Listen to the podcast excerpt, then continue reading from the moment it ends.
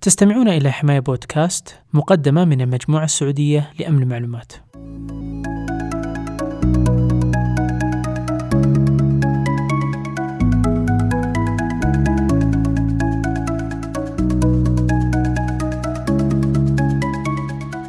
السلام عليكم ورحمة الله وبركاته. حياكم الله في الحلقة الثانية من حماية بودكاست. في هذه الحلقة نستضيف ضيفنا الأول وهو الدكتور ياسر هوساوي. دكتور ياسر هوساوي أستاذ مساعد بقسم تقنية المعلومات في معهد الإدارة العامة. حاصل على دكتوراه في هندسة أمن المعلومات القابل للتطبيق والاستخدام أو ما يعرف بال usable security engineering من معهد فلوريدا للتقنية بالولايات المتحدة الأمريكية.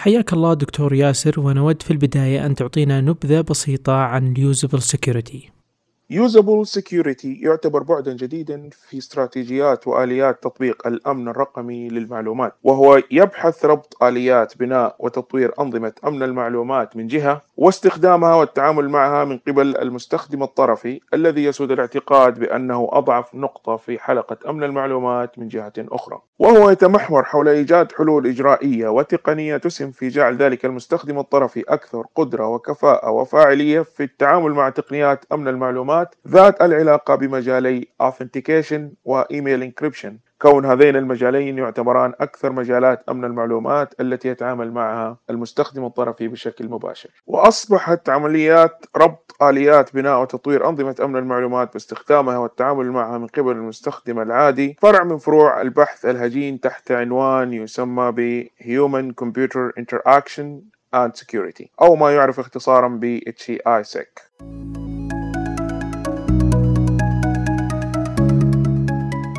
دكتور ياسر هل يوجد تعريف دقيق لمصطلح usable security؟ نعم هناك تعريف دقيق لمصطلح usable security. في عام 1999 قام عالمين ويتن تايجر أوجدا أول تعريف ل usable security. ونص التعريف على الآتي. نظام أمن المعلومات يعتبر قابل للتطبيق والاستخدام إذا أصبح قادرا على جعل المستخدم الطرفي واحد على معرفة كاملة بالمسؤوليات والمهام الأمنية التي ينبغي أن يقوم بها في تعامله مع النظام.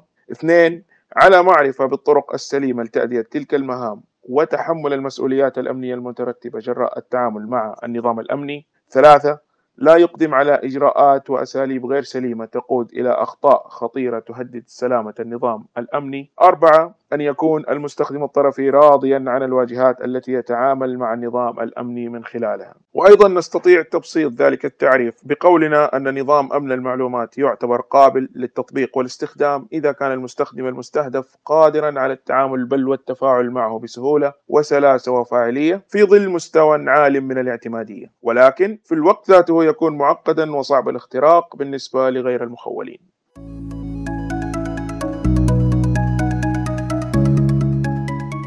جميل جدا دكتور ياسر. بودنا لو أطلعتنا على بعض المعلومات عن عمر هذا المجال الجديد من مجالات أمن المعلومات.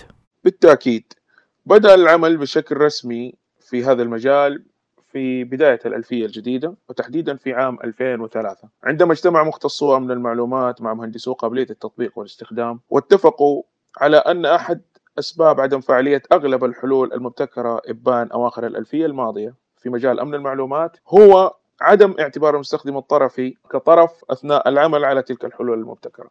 ولكن آه، يجدر الذكر بأن العمل البحثي في هذا المجال قد بدأ قبل ذلك التاريخ بوقت طويل وتحديدا منذ أواخر السبعينات في القرن الماضي عام 1979 ولكن تحت مسارات بحثية مختلفة. إذا فهذا المجال يعنى بإيجاد التوازن بين تأمين المعلومة من جهة وقابلية وسهولة استخدامها من جهة أخرى. صحيح. وهنا تكمن صعوبة العمل في هذا التخصص. هناك العديد من الأبحاث ولفترة ليست بالقصيرة أشارت إلى أن العلاقة بين قابلية الاستخدام والتطبيق من جهة وأمن المعلومات من جهة أخرى هي علاقة تناقض أي علاقة عكسية على أساس أن آه، security يعمل ضد آه، usability والعكس صحيح. وبناء على ذلك لا يمكن إيجاد حلول تكاملية أو توازنية. من شأنها تحقيق التوازي في العلاقة بدلا من التقاطع. وبالمناسبة هذا الاعتقاد لا يزال قائما إلى يومنا. هذا لدى بعض مختصي أمن المعلومات ومهندسي قابلية الاستخدام والتطبيق. ولكن على النقيض من الاعتقاد المذكور سابقا تبنى باحثو HCI-SEC اعتقادا مغايرا يقضي أن usability و security يجب أن يتم النظر إليهما ومعاملتهما من منظور تكاملي وليس تفاضلي بحيث يكون كل واحد منهما مكملا للآخر وليس هادما له وذلك تحت مسمى usable security ألا تعتقد دكتور أن عملية إيجاد التوازن تعتبر مشكلة؟ نعم هي آه، تعتبر مشكلة فمن المتعارف عليه أن المعنى الشمولي لمصطلح security يدلل على تأمين الحماية وبالمقابل فإن المعنى الشمولي لمصطلح usability يدلل على قابلية وسهولة الاستخدام ودعني أتعمق أكثر لأجيب على سؤالك بشيء من التفصيل عما إذا كانت عملية التوازن هذه تعتبر مشكلة أم لا؟ وعليه فمختصو أمن المعلومات يكمن جل اهتمامهم في إنتاج وابتكار استراتيجيات وآليات وتطبيقات تسهم في الحصول على أقصى مستوى ممكن لتأمين المعلومات دون أدنى اعتبار مستوى لدرجة التعقيد أو مستوى التعقيد الذي قد تصل إليه تلك الاستراتيجيات والآليات والتي بالتأكيد قد تحد من قابلية وسهولة الاستخدام. قابل ذلك التوجه مهندسو قابلية الاستخدام والتطبيق باهتمامهم وسعيهم الحثيث لإيجاد طرق وأساليب تضمن الوصول لأفضل مستوى ممكن يسهل التعامل مع التطبيقات ويجعلها أكثر قابلية للاستخدام. وهنا نصل لمكمن المشكلة. حيث أنه لا يوجد حد أدنى لمنطق مشترك يضع الاهتمامين المختلفين في قالب واحد وعليه نجد وباختصار شديد أن وجهات نظر المهتمين حول العلاقة بين usability و security تنقسم إجمالا إلى ثلاثة أقسام رئيسية من حيث المنطلقات البحثية. فالقسم الأول من الباحثين ينطلق من مبدأ أن العلاقة بين usability و security هي علاقة تضارب مصالح أي conflict of interest وعليه يجب الاختيار إما آه، security أو usability. والقسم الثاني من الباحثين يرى أن البحث في هذا المجال يجب أن ينطلق من مبدأ التساوي والتوازي في الأهمية equality. أما القسم الثالث من الباحثين فيرى أن البحث في هذا المجال يجب أن ينطلق من مبدأ تحديد الأولوية والأفضلية بين الاثنين prioritizing. بمعنى أنه لو كانت الأفضلية ل security يجب أن يكون usability داعما ل security والعكس صحيح.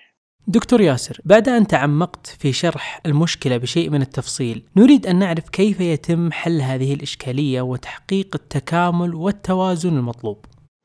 بالتأكيد فتخصص usable uh, security لم يوجد إلا من أجل حل هذه الإشكالية وتحقيق التكامل والتوازن المطلوب بين security و usability نظرا لأهمية تحقيق ذلك التوازن. هناك صنفين رئيسيين لأنواع النهج المتبع في تحقيق التكامل والتوازن بين usability و security.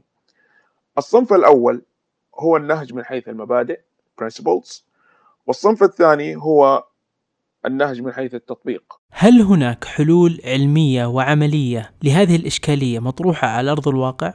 أما فيما يتعلق بالحلول فهناك العديد من الحلول المقترحة التي تم طرحها من قبل المهتمين بالبحث في هذا المجال. قد لا يسع المجال هنا للخوض في تفاصيلها نظرا لكثرتها من جهة ولمحدودية وقت هذه المقابلة من جهة أخرى. لذلك أنا سأقوم بعرض آه، بعض الاستراتيجيات والأسس التي بنيت عليها تلك الحلول. إحدى الاستراتيجيات هي تصميم أنظمة أمن المعلومات ارتكازا على الطبيعة البشرية وهنا يتم الاعتماد على طبيعة عمل العقل البشري في عملية التصميم. أما الاستراتيجية الثانية آه، هي تصميم واجهات تطبيقات أمن المعلومات ارتكازا على المستخدم المستهدف User Centered Interface Design. وهنا طبعا آه، يتم الاعتماد آه، على دراسة الشريحة المستهدفة. فمثلا لو كانت الشريحة المستهدفة شريحة الأطفال يجب أن يتم تصميم واجهات تطبيقات أمن المعلومات ارتكازا على طريقة تفكير هؤلاء الأطفال. بعكس في حال وجود آه، تطبيقات أو واجهات تطبيقات أمن معلومات لكبار السن هنا يجب الاعتماد على طريقة تفكير كبار السن. الاستراتيجية الثالثة هي تغليف الأنظمة القابلة للاستخدام والتطبيق بحلول أمنية مبتكرة Post Hoc Security Layer. الاستراتيجية الرابعة هي استراتيجية التصميم بالتعيين. Designation not add motion design. طبعا هنا لما نيجي نتكلم عن هذه الاستراتيجية نعتمد على عدم إقحام المستخدم الطرفي تماما في اتخاذ القرارات المتعلقة بأمن المعلومات لأنه المفروض أنه جميع القرارات المتعلقة بأمن المعلومات يجب اتخاذها داخل التصميم يجب أن تكون داخل تصميم تلك الأنظمة آه، ولا يتم إقحام المستخدم الطرفي في اتخاذ آه، القرارات المتعلقة آه، بأمن المعلومات الاستراتيجية الخامسة هي دعم اتخاذ القرارات المتعلقة بأمن المعلومات من قبل المستخدم الطرفي. Informative Based Security Design Support. إذا كان ولا بد من إقحام المستخدم الطرفي في اتخاذ بعض القرارات المتعلقة بأمن المعلومات على سبيل المثال مثلا فتح ملفات آه، من عدم فتحها تنصيب مثلا بعض البرامج من عدم آه، عملية التنصيب. إذا يجب أن نعطي ذلك المستخدم الطرفي معلومات كافية ووافية تفيده وتدعمه في اتخاذ القرار. أما الاستراتيجية السادسة هي الاستخدام الموجه للسمات أو الخصائص الحيوية بايومتريكس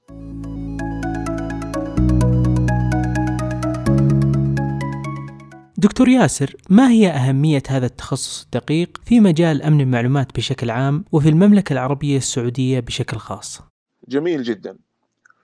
تكمن أهمية هذا التخصص في أنه يعتبر عامل أساسي في نجاح جميع استراتيجيات وأنظمة وتطبيقات أمن المعلومات التي تتعامل مع العنصر البشري عموما والمستخدم الطرفي على وجه الخصوص. فلقد أشار تقرير عدته إدارة الأمن القومي The Department of Homeland Security بالولايات المتحدة الأمريكية حول أهم المواضيع البحثية التي قد تشكل تحديا لمشاريع البحث العلمي في مجال الأمن السيبراني Cyber Security. وكان من ضمن تلك المواضيع مسار البحث في مجال أمن المعلومات القابل للتطبيق والاستخدام اللي هو Usable Security. بل وقد أشير في ذلك التقرير إلى أن هذا التخصص الدقيق محوري وأساسي لنجاح جميع المواضيع البحثية الأخرى التي تم ذكرها في خضم ذلك التقرير. إضافة إلى ذلك أشار تقرير عدته الحكومة البريطانية على أن الأخطاء البشرية في التعامل مع الأنظمة الأمنية تساهم بنسبة كبيرة في ازدياد الاختراقات الأمنية. فنسبة الاختراقات الأمنية الناتجة عن الأخطاء البشرية للموظفين في المنشآت الكبيرة قد بلغت 75% من إجمالي نسبة الاختراقات الأمنية عموما. وهذا يبين لنا أهمية هذا التخصص الدقيق عموما. أما فيما يتعلق بأهمية تخصص usable security في المملكة العربية السعودية فعلى سبيل المثال هناك مبادرة زيادة مساهمة صناعة تقنية المعلومات في الناتج المحلي الإجمالي وتوفير البيئة الملائمة لجذب الاستثمار.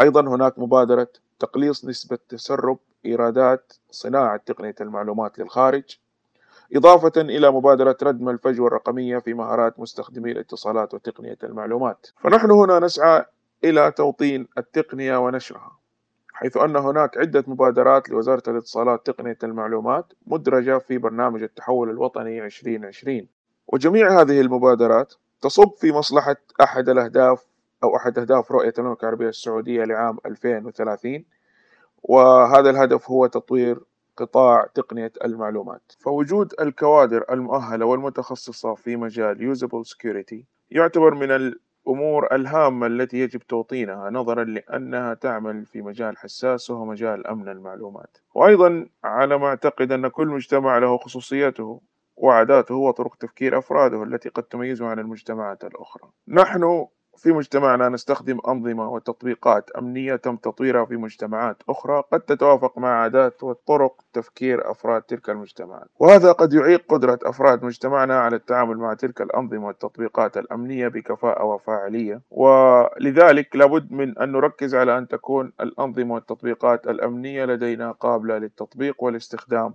لدى أفراد مجتمعنا على وجه التحديد. نشكرك دكتور ياسر على هذه المعلومات القيمة ونسأل الله أن ينفع بعلمك. كان معنا في هذا اللقاء الدكتور ياسر هوساوي الأستاذ المساعد بقسم تقنية المعلومات في معهد الإدارة العامة. إلى هنا نصل إلى نهاية حلقتنا من حماية بودكاست. أتمنى أنها نالت على استحسانكم. كان معكم عبد الله القحطاني ودمتم بخير.